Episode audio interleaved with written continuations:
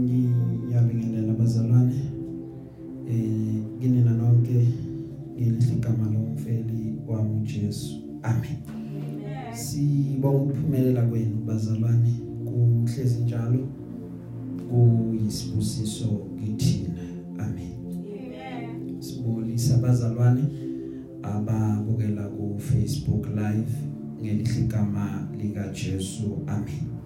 Siyabonga kakhulu ukuthi laba bazalwane every Sunday bayabukela injumayelo zethu bese bayakuseka kakhulu. Amen.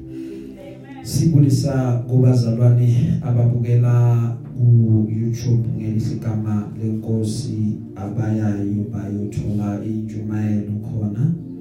Siyabonga nakubona kakhulu. Amen bazalwane. Siphinde sibulise thu abazalwane abalalela ama audio whether be it ama audio we WhatsApp or ama audio wama podcast? Ngelihle igama lika Jesu amen. Sibonga kakhulu bazalwane ukuthi every Sunday niyalalela nisho ukuthi niyabusiseka. You know eh, abanye size si discuss the wait for that day ukuthi yena ulizwe limbusisa kuphi. Really kuyasithobisa kakhulu and know and we believe ukuthi okunye okucontributayo ukuthi siqhubeke sime ukuthi abazalwane njalo bayasikhulekela abazalwane amen. So kubona bonke abantu abasikhulekelayo. Ngithanda ukusho ukuthi nize ningayeki but niqhubeke nje nibambe lapho nisikhulekela imikhuleko yenu iyafika kubaba uNkulunkulu iyezwakala. Amen. Yeah so lokho ikona okucontributayo kwenza ukuba siqhubeke sime bazalwane every sunday we have uh, a weight that we will share nebandla la kaNkuluNkulu namhlanje is of no difference. Namhlanje sinezwi esizokwabelana ngalo njengebandla la kaNkuluNkulu amen. Amen. namhlanje into esizokhuluma ngayo yebazalwane ubukhona bakaNkuluNkulu amen Amen. sizokhuluma ngani bazalwane Khona bakaNkulunkulu. glory be to God Amen. sizokhuluma about the presence of the Lord Amen. sifunda emabhayibhelini ethu incwadi yemfuduko the book of departure. Incwadi yokuhamba incwadi kaExit amen. Uh, before sifunda i just want to say ukuba uh, i am learning ngiyafunda usuku nosuku ukuthi ama message awafani. Remember eh, ngeke ngathi ngixoxela ngathi ngatshela inkosi ngathi mina angikwazi ukushumayela ngathi mangiya enkosini ngathi ngize kuwena ngingumntwana. Angizi kuwena njengomuntu okwaziyo ukushumayela eh, angikwazi. So engikucelayo ngifundise ukuthi ngithini ngiphe izwi engizolimikisa ebantwaneni bakho ngiphe a message engizoyimikisa ebantwaneni bakho. Uphinde futhi ungiphe indlela yokuthi ngizoyibeka kanjani. That is why every sunday uma sinezwi that uma when we have a, a, a message i believe ukuthi the messages are never the same. That is me that is what i believe. Ngoba even i preparation yawo is never the same. Uma inkosi ikhomba ukuthi okay uyofunda lapha ushere nganabo ushere nganabo then ezungena udwela in deep then uyabona oh le message ihlukile le message ayifani nale enye bengiyenza. Oh le eya last week indlela engiprepare ngayo ngoba futhi ngisayikhumbula ukuthi ngiprepare kanjani. Ayifani nale engiyipreparayo manje. Amen. Amen. so ngokusizwa inkosi ke that is why most of the time inkosi as ihamba hamba ingifundisa i don't have a lot of izinto noma kugcwale la kuloko engikwenzayo but always the Lord will put that one message then sihamba ngayo size siyoqeda. Amen. Amen. so namhlanje is of no difference because we'll be talking about God's presence. And uh, inkosi ibeke ngendlela ehlukile. Angeke ngaze ngathi ukulungisa prepare the message mele ngibhale something njalo ngiyabhala njalo nento engibhala sometimes angibhali lutho. Sometimes the lord will just come in and speak. Because injongo enkulu ukuthi silalele yena ukuthi uthi senze kanjani. Hayi ukuthi thina senze njengangokujwayela kwethu noma ukwazi kwethu. Amen Amen. Kunento that we should be always mindful of ekuhambeni kwethu bazalwane that is ukukhona bakaba uNkulunkulu God's presence. We should always be mindful of that ukuthi ekuhambeni kwethu ekuphileni kwethu it does not mean ukuthi uma usekhaya ubukhona benkosi abukho. It does not mean ukuthi uma usekhaya ukhona benkosi fanele ukuthi kungakhona uzodibana nabo kuphela uma uyohlanganyela nabazalwane nakhona if uhlanganyele nabo on a Sunday that is when uzothola khona ukukhona benkosi even nasekhaya fanele ukuthi kube khona into eqhubukayo ngaphakathi kwena so that uzobona ukuthi la kusekukhoneni benkosi Amen. hallelujah Amen. lithi iBhayibheli uJakobe wahamba wafike wa wa waqamela etsheni. Umeqamela etsheni ekhathele. Lithi iBhayibheli wabona kuphambana ingelosi wabona kune staircase esiyezulwini uma esibuka that staircase wabona hawunazi ingelosi ziyaphambana ziyehla ziyenyuka ziloku zithi ungcwele ungcwele. Wathi uthi umebona wathi awunasi isihlalo sobukhosi. Eh uma esibona wathi surely uma eseqeda ukuvuka wathi surely ukukhona benkosi bukhona kule ndawo. Ene mina bekade ngingazi ukuthi la kunobukhona benkosi. Ene uma ezosho lawo mazibeka hamba yedwa. Amen. benganamuntu benganankonzo ingenile bengana conference bekayi1 but the presence of the Lord yahlala naye. Amen.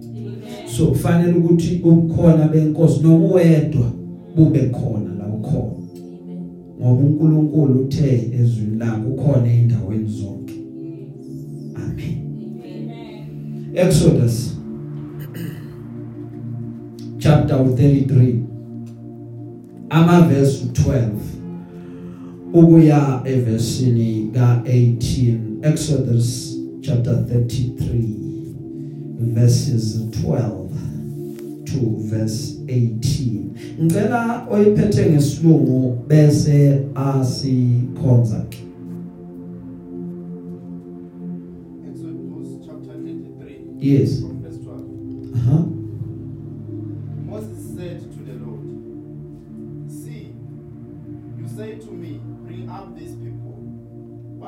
not let me know whom will you send with me.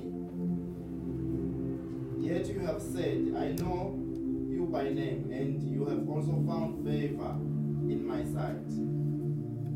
Now, therefore, I pray, I pray you, if I have found favor in your sight, let me know your ways so that I may know you, becoming more deeply and intimately acquainted, acquainted with you, recognizing and understanding your ways more clearly, and that I may, I may, I may find grace and favor in your sight. And consider also that this nation is your people. And the Lord said, the Lord said, My presence shall, shall go with you, and I will give you rest by bringing you the people into the promised land. And Moses said to him, If your presence does not go with me, do not lead us up from here. For how will then can it be known that your people and I have found favor in your sight? Is it not by your by your going with us? Is it not by your going with us so that we are distinguished, your people and I, from all the other people on the face of the earth? said to Moses, I will also do I will also do this thing that you have asked, for you have found favor, loving kindness, mercy in my sight, and I have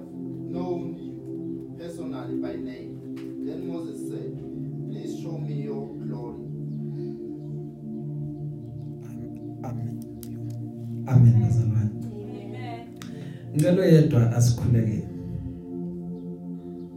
Baba linamandla baba likhulunywa kuwe baba likhuluma ngalo kubantwana bakho. Lona loyazweni kukhona bakho.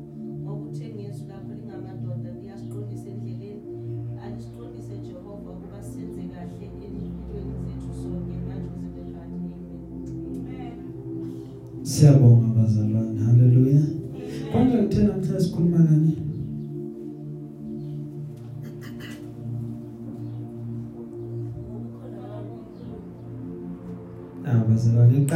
Baningi mayise niyangabaza sekushabanye nabo ngathi abekho sure mangibuka amehlo namhlanje nje sikhuluma ngani bazalwane Ukukhona kukaNkulunkulu.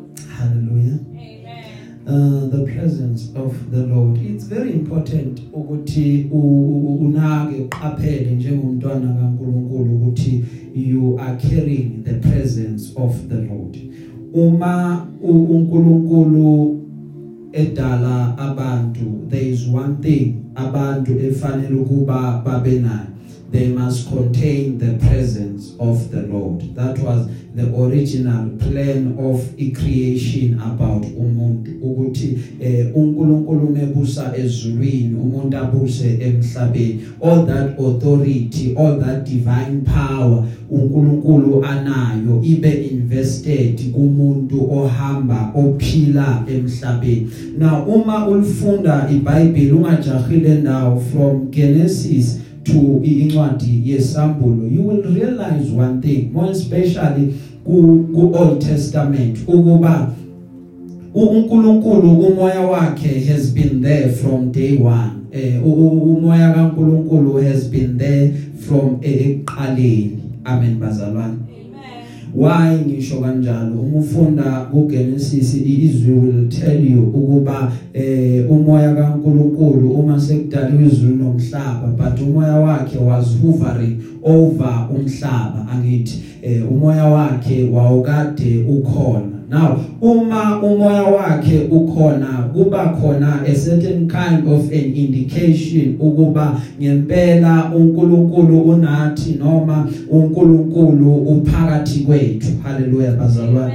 Now lithi ke iBhayibheli the more uqhubeka ulifunda uzobona oh umoya wakho bukade ukhona ninini umprofeti umekhuluma athi isandla saka Jehova sangikhipha sangise emgodini onamathambo. What was really leading him was umoya kaNkuluNkulu owalida uEzekiel ukuthi aye lapha esigodini samathambo. So the holy spirit has been there. Ukhona bakaNkuluNkulu has been there from day 1 and even noma ezohamba noIsrael konke konke uNkulunkulu wakwenza so that kuzobonakala ukuba ubukhona bakhe buphakathi kwalaba bantu laba ahamba nabo. But when it comes to uIsrael what is significant efanele kuba ukunote ukuthi uIsrael bekanenhliziyo elikhulu.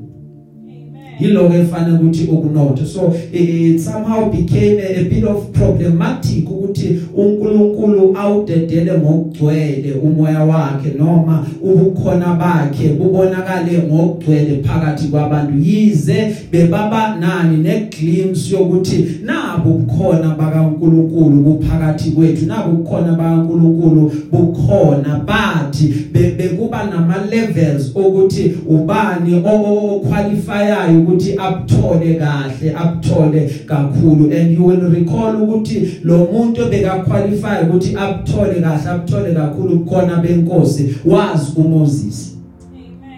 Haleluya na uNkulunkulu ngendlela a- ayenza ngakhona izinto uzenza in a sense yokuthi some of the things kula ubona khona the more ufunda iBhayibheli ukuthi some of the things fanele ziqale uNkulunkulu a- aziconfirm noma az announce eqala then lokho bese kuyaqala mhlambe ku functiona prevalently. So as much as bekade kukhona kusebenza even before what i mean is uJesu ukhona from Old Testament from Genesis uhambe naye until ufike encwadini kaMalaki uJesu ukhona. He is there he is present lapho. Even nangenkathi uIsaiah zokhuluma ngaye athi ngokuba siphiwe umntwana sizalelwe indodana. Ukhuluma ngobani? Ukhuluma ngoJesu. So throughout scripture from Genesis to incwadi kaMalaki uJesu is there. But uJesu is not announced in a sense yokuthi akakabonakali in the physical. Uma uJohn ekhuluma le ndaba ufaka istep uthi eqaleni wayekhona ubani ulizwi? Konke kwavela ngaye umulizwe seqala embatha amathambo that is iaffirmation ukuthi ngempela ngempela nangilo bekade kukhulunywa ngaye. And lithi iBhayibheli ngenkathi uJohn ezobhabhadisa kwamele ukuthi izulu lizoconfirma ubukhona balo ngoba ngoba izulu likhona ngokuphelele. Akukho ukuthi okunye liyakhethwa okunye liyakhipha kanjalo kanjalo but izulu is ever present kuzona zonke izimo liphelele Amen. uthi uma ebhabhadisa uJesu uJohn uyambhabhadisa uma embhabhadisa kwehla ijuba lihlala la emahlombe akhe uma sekwehle ijuba bese kukhona babili it was God the Son and God the Spirit lapha phansi. Then uNkulunkulu esemazulwini nebona ukuthi awunawo umhlangano lapha phansi emanzini eh waseJordan uthi ubese uyakhuluma athi lo uyindodana yami engithokozile ngayo yizweni ngoba uNkulunkulu had to be there so that the picture becomes entirely perfect or entirely complete. That is why uma ulifunda iBhayibheli okokuqala uNkulunkulu uyavela as God wonke umuntu recognizes uNkulunkulu njengoNkulunkulu njengoJehova. Ulandelele ulandelele bonke aboJobe they recognize uNkulunkulu as God. aboJona they recognize ukuthi kunoNkulunkulu as God. Then thereafter kumenyezelwa kuOld Testament kumenyezelwa ukuthi umsindisi uyeza ubani umsindisi uKristu angithi. Uma esefika encwadini kaMateyu uKristu esezaliwe ngowesifazane uyaphila uyaphila. Uma esephilile uyaqeda imishini yakhe. Uma eseqedile imishini yakhe uma esezoyiqeda imishini uKristu uyena futhi okhulumayo. Wenza njalo umemezela umoya oyingcwele uthi uyeza umoya oyingcwele.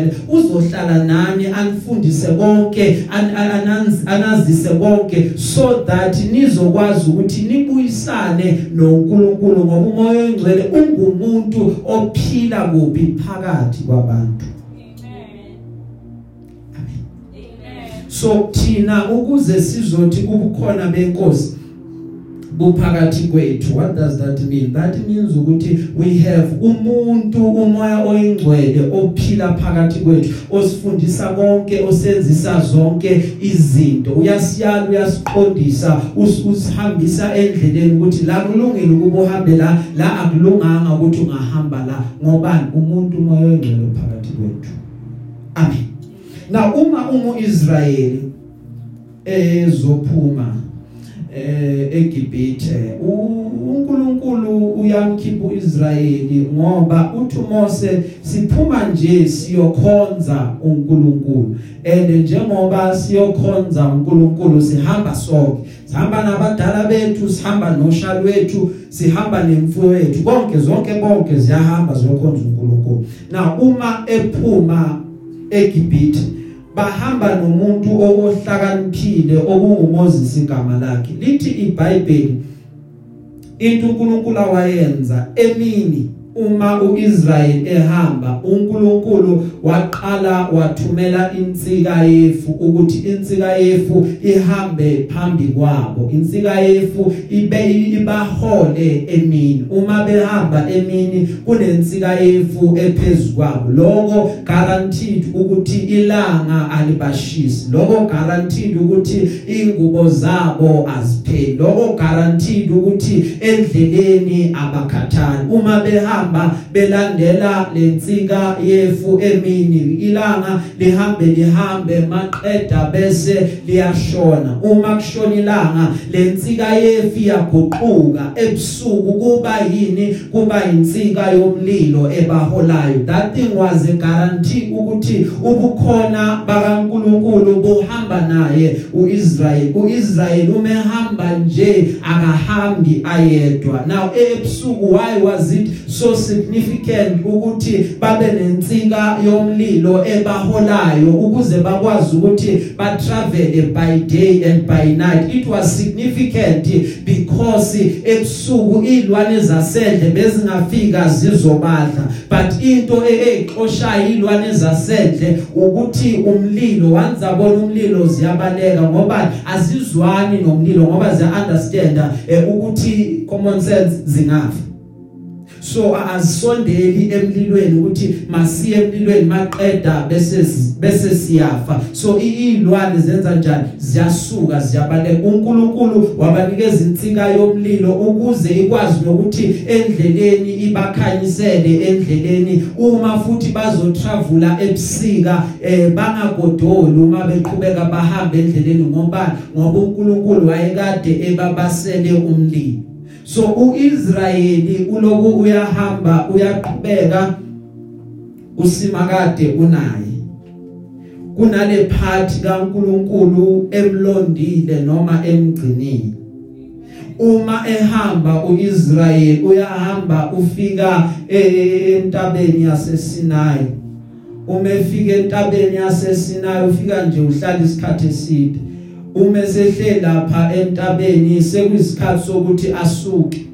Maqeda uMoses ubuyela kuNkulunkulu uthi uNkulunkulu ake sikhulume before ungathi singasuka la sihambe ngoba sekunento engidiscoverile ngidiscover ukuthi inkosi kumnandi ekukhoneni bakho. In your presence there is fullness of joy. Injabulo yami yapheleliswa ekukhoneni bakho. Ngiyakubona konke okunye bengingakwenza but once ngafika nje ekukhoneni bakho ngiyajabula. Angithi uye the very same Moses oke wanyuka wanyukela entabeni ohlala noJehova. Elithi iBhayibheli uma esentabeni uma uMose adla ubunkulunkulu bakaNkulunkulu uNkulunkulu wadla ubuthakathaka bakaMoses. Lokho kwabonakala uma uMoses sekehlela phansi. Umeza eqhamuka kuIsrael uthi uIsrael Moses asikwazi ukubheka ngcono uyivale ngekhetnisi ngoba ngoba uyasiphandla Moses ugcwele ini inkazimulo. Now that is why nangenkathi uJesu ethandaza encwadini kaLuka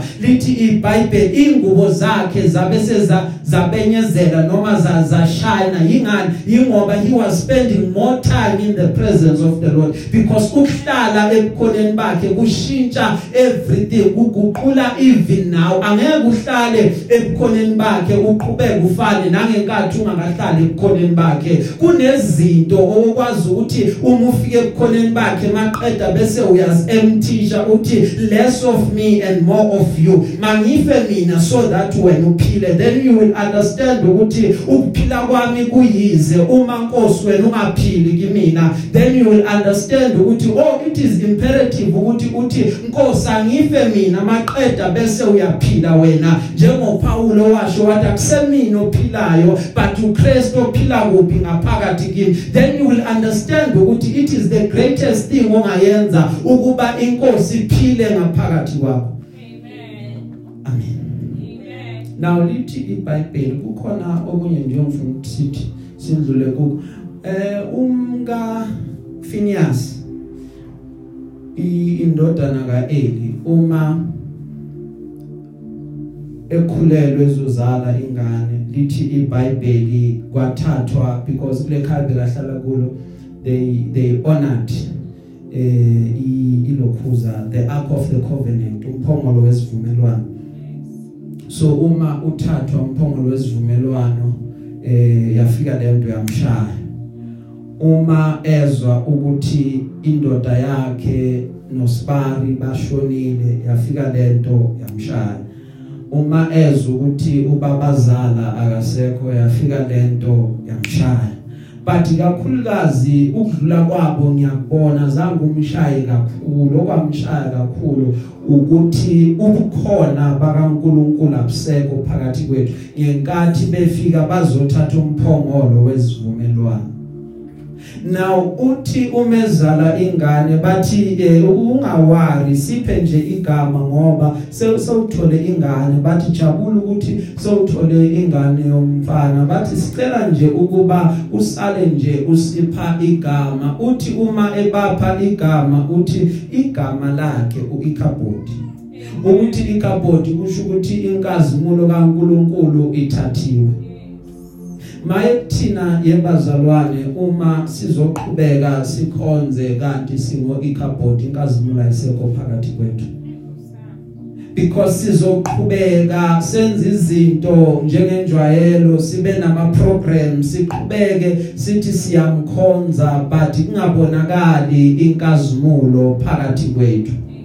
Kokunye sikwenzayo sizostrugglisha ukwenza izinto to carry amathasizo ukuthi ngazi ukuthi sithwele kanzima ngani ngoba inkazimulo ayikho phakathi kwethu.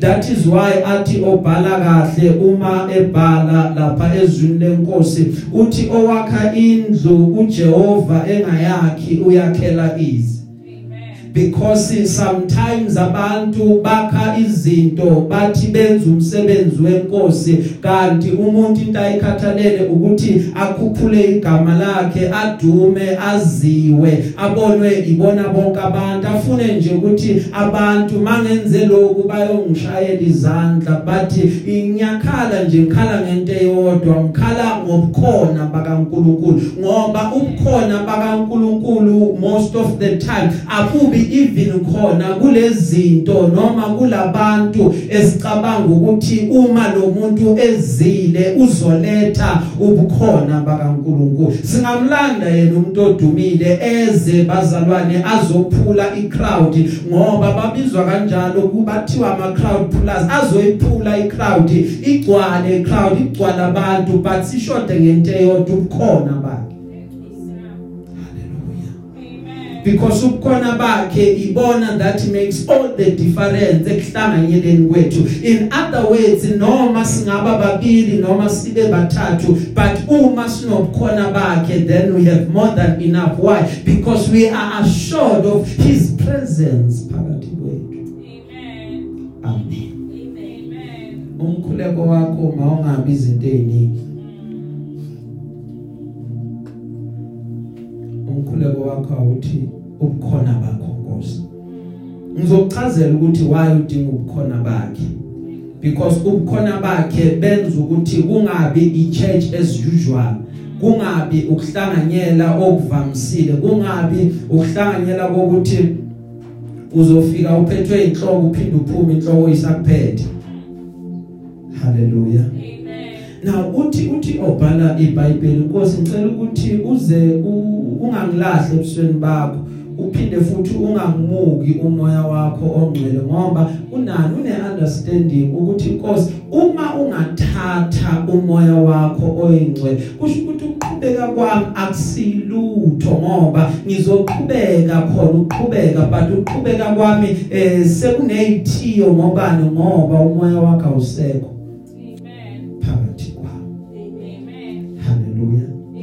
Ukukhona bakhe makes the difference. Fanele masikhonza sihlanganyela yebazalwane. Sihlanganyele kube kungukuthi kune kune cloud kunobukhona bakhe phakathi kwethu. Uma ubukhona bakhe fika endaweni yazi kwenzakalani?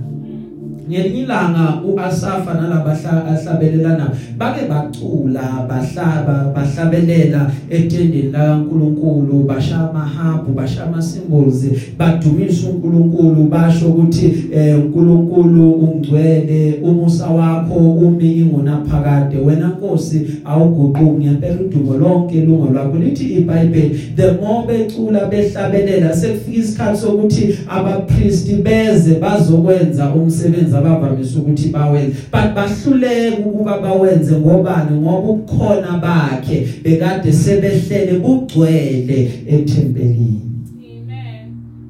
athu Isaiah ngokufa kwenkosi uZiya ngambona uJehova ehlele esihlalweni sobukhosi.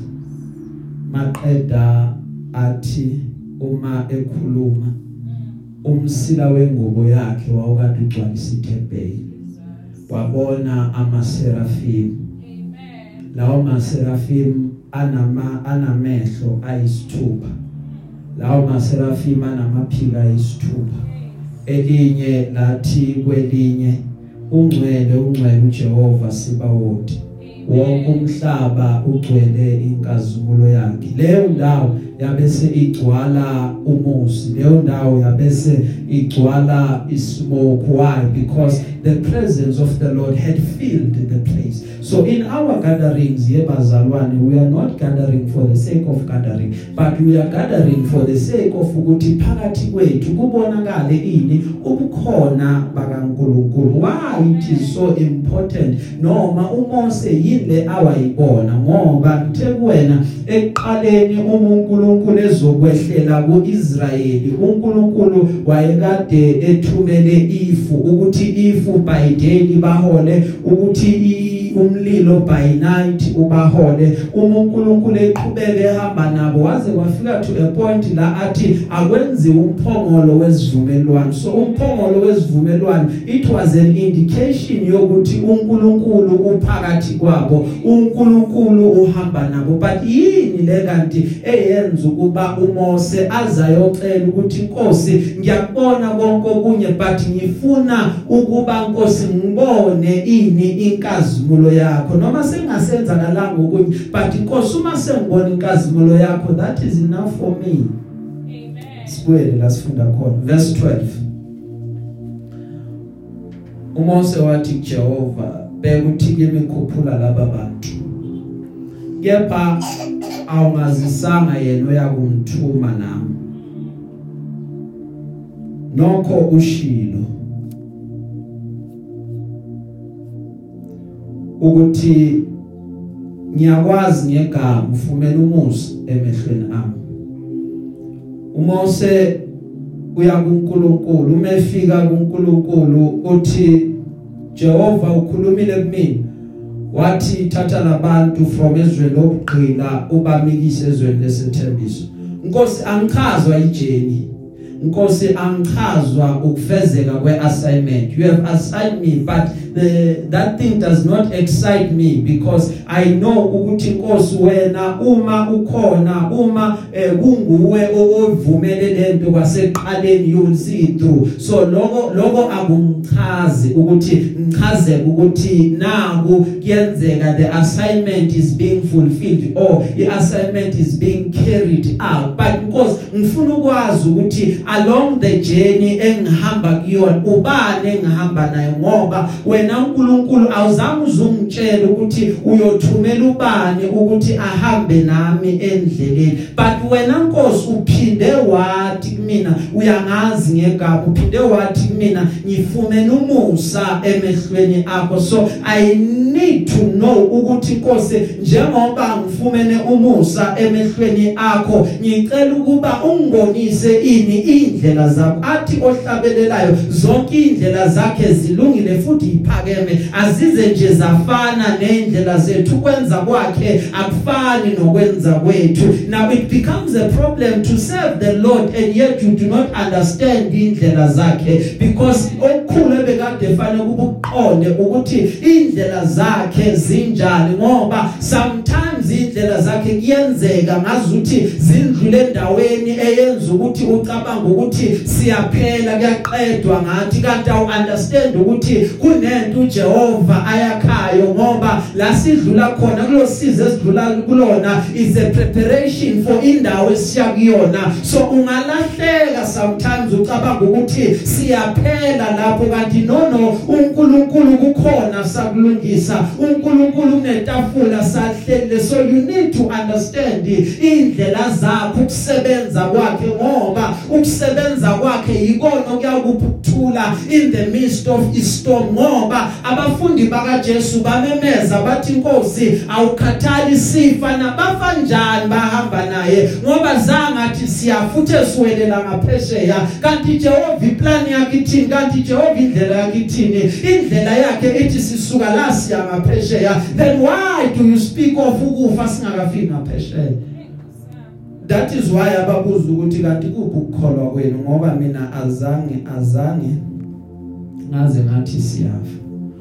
Athi Moses inkosi bese uyakhumbula ukuthi lesi sizwe singabantu bakho ngoba uNkulunkulu there's a word already asekalikhulumile uthe uNkulunkulu eh, Moses uma uhamba nalabo bantu uya ezweni la nguthume khona. Uma Moses uqhubeka nalabo bantu kuyofezeka ini injongo kuyophetheka ini iassignment. Uma uqhubeka nalabo bantu mina Moses angizukuhamba nabo laba bantu. Why Jehova ungezukuhamba nabo nabo ngoba laba bantu ngibabonile ukuthi inhliziyo zabo zilukhuni. Uma ngingaqhubeka just one more day ngiyobabulala bonke kuphele ngabe endleleni but uMoses comes back to God he intercedes for the people. Uthi uMoses uma ekhuluma noNkulunkulu Nkosi uzungakhohlwa ukuba laba bantu bangabantu bakho. Uyakhumbula ngenkathi behambe ehlane kuke kwavuka izinyoka zabadla. Lithi iBhayibheli leMosi badla bephela uMose waye enkosini eyobakhulekela. Wathi wathi inkosi kuyakuba yini simakade ukuthi ukhipha abantu?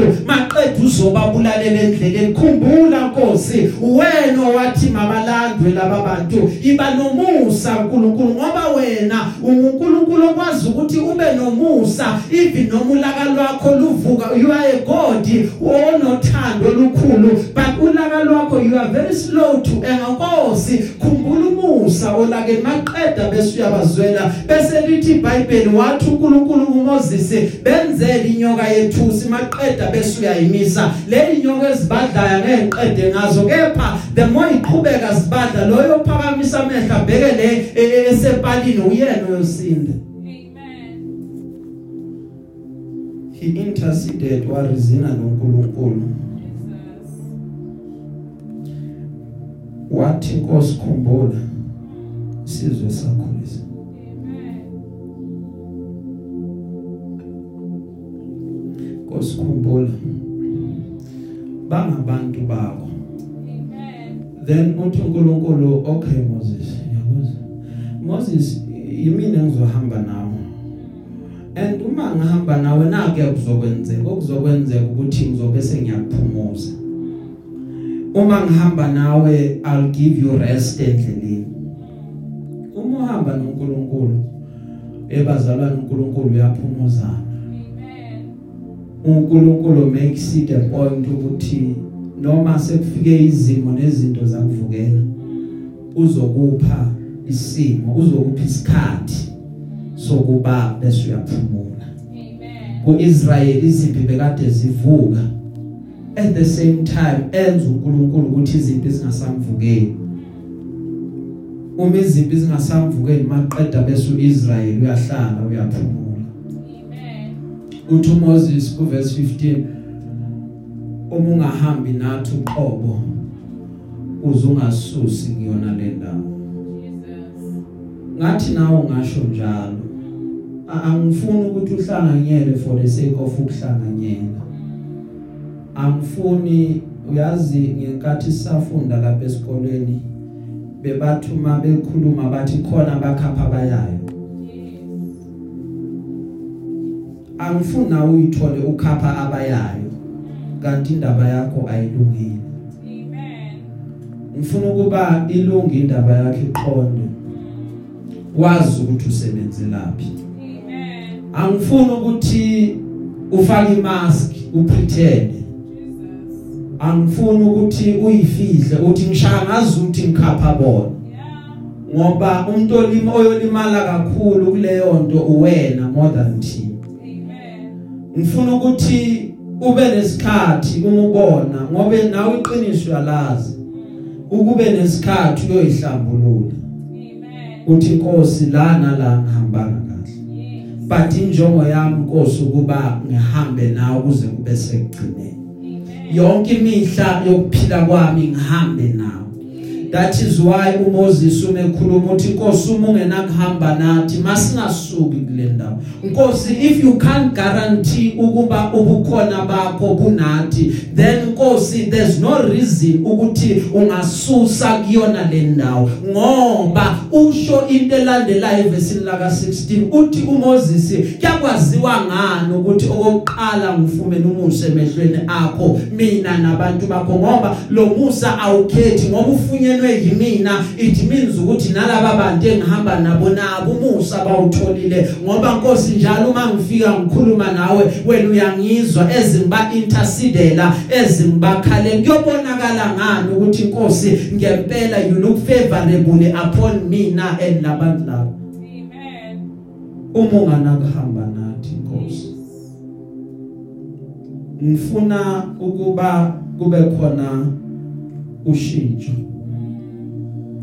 Ngifuna ukuthi sihlukaniswe. Ngifuna ukuthi singafani nabanye. Ngifuna ukuthi masingene endaweni kubonakala ukuthi laba bantu bahamba noNkulunkulu. Kuyobonakala ngani ukuthi bahamba noNkulunkulu? Kuyobonakala by God's presence. Ihleli nabo ukuthi laba bantu bahamba noNkulunkulu. Kuthi ngathi yebazalwane asifani. Kukhona abazi ngaye. At the same time kukhona abahamba naye.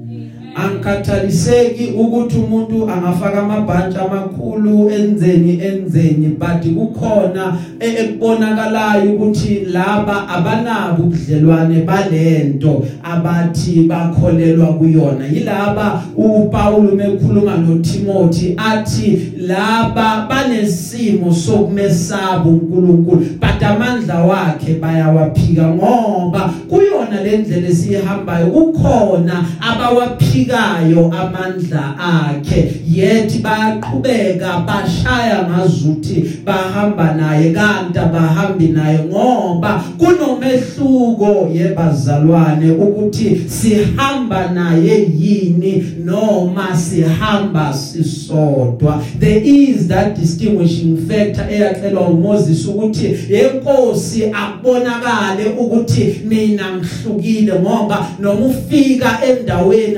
abantu bakwazi ukubona ukuthi akafani nathi lona kunento kuyena ehlukile yini lehlukile inkazimulo ambathiswe yona amazulu. Amen.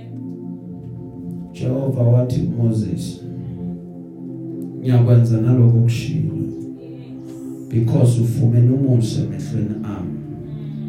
Ngikwazi ngegama. Wayesethu Moses ake ngibone inkazimulo yakho Amen. I am not satisfied sesigcina by being kujeni Yes. anginelisekile ngokuba ohambeni iBhayibheli lichaza ngezulu lithi iBhayibheli nezihlalo zethu ziyohluka. Imiqhele yethu iyohluka. Kuya ngalento kumuntu ngaphakathi esahamba emhlabeni ukuthi yini le yena neliseke ngayo. Ngathi ngakubuza umbuzo namhlanje ukuthi wena uneliseke ngayo uneliseke ngejeni ukuthi uyakholwa? Uyathandaza wena. Uyalifunda izwi. Noma kunehanga kuwena efuna ukubona inkazimulo kaNkulunkulu because bakhona baneliseke ngohambo. Ukuthi hayi sayibambile siqhubeka naye. Hayi izulwini siyayo siyongena le baya ngempela. But baneliseke ngohambo. Kukhona abafana noMoses abane abanganelisekile ngohambo abafuna ukwazi indlela zakho oqala baphinde bafuna ukubona ini inkazimulo yakhe once inkazimulo iba revealed then umuntu begins to change Amen. ngithi ke nina namhlanje bazalwane bami let us seek ukugcwaliswa Yes. Ngenkazimulo kaNkulunkulu. Amen. uthi obhala kahle angifuni okuningi. I just seek isandla sakaNkulunkulu. Umuntu Davide ehlelwa izinto ezithile endleleni. Uthi uma ekhuluma naloya mzalwane angifuni okunye wegadi kepha isandla sakaJehova. Amen. khuleko wami akukona izinto eziningi. Baba isandla sakhe asihlale phezulu kwami. Baba angize ngibone inkazimulo yakho. Angifuni ukuphila kuze kube sekugcineni but inkazimulo yakho ngingayibonanga. Baba amandla akho ungcine ngokufunda ngawo. Amandla akho ngingawazi ngoba uNkulunkulu uvusa izimo that will challenge or channel you. Izimo that will channel or challenge ukholwa kwakho endaweni eright ukuthi do you have faith in God? Do you believe uNkulunkulu? Uyakholelwa kuyena yini? Uvusa lezo zimo izona lezo zimo efanele ukuba zambule ini inkazimulo kaNkuluNkulu. Izona lezi zimo efanele zenze ukuba uNkulunkulu avele ngamandla esimeni sakho. Then the question is do you believe ukuthi angavela yini ngamandla? Noma unelisekile nje? Uma siqhubeka ngalendlela esiqhubeka ngayo ku right anginandaba nokuningi noma uthi inkosi yambula inkazimulo yakho Amen. uma ufuna inkazimulo yazi kwenzakalani? Nendlela okhuleka ngayo iyaguquka indlela ohlabelela ngayo iyaguquka indlela ofunda ngayo izwi iyashintsha. Ngobani? Ngoba uthi inkosi ngigcwalise gcwalisa more of you more of you. Kunezinto that you no longer even entertain. Ngobani ngoba injongo yakho kuba ugcwaliswe ngayo ngenkazimulo ngoba uma sewugcwaliswe ngenkazimulo awuphindi ufane uma ufika endaweni indawo iyaguquka uma ufika kuma atmospheres athi lawo atmospheres ufika uwacharge ngamandla kaNkuluNkulu. Maqeda wonke umuntu bese uyafakaza ukuthi sekufike olunye uhlobo oluhlukile sekufike olunye uhlobo olungafani nathi ngoba lo osephakathi kwethu siyabona ukuthi kukhona okuhlukile ngaye. Then you know and understand ukuthi baba inkazimulo yakho ihleli phezulu kwami. Amen. ufuna inkazimulo yakhe. Ufuna isandla sakhe. Let his hand be what you are after. Amen. hallelujah Amen. sengigcina bazalwane nyazi nokuthakathaka nyazi uyahluleka lohluleka khona Amen. but inkazimulo kababa iyona engenza ukuthi konke la uhluleka khona ubone sewonamandla inkazimulo kababa iyona le engaqeda bonke lokuthakathaka kanye nenkinga zakho zibonayo sengigcina ngicina ngokuthi utobhala incwadi yamahubo kunya ngicelayo futhi ngiyofuna kona Amen. ukuba ngihlale endlini kaJehova Yes. insuku zonke zokuphila kwami ukubona ubuhle bukaJehova ngibuka ithempeli lakhe angifuni okuningi Amen. ukuba ngihlale kuze kube yibona phakade Amen. makabonge Jesu Amen. Nkosi yomusa enibusise bazalwane Amen.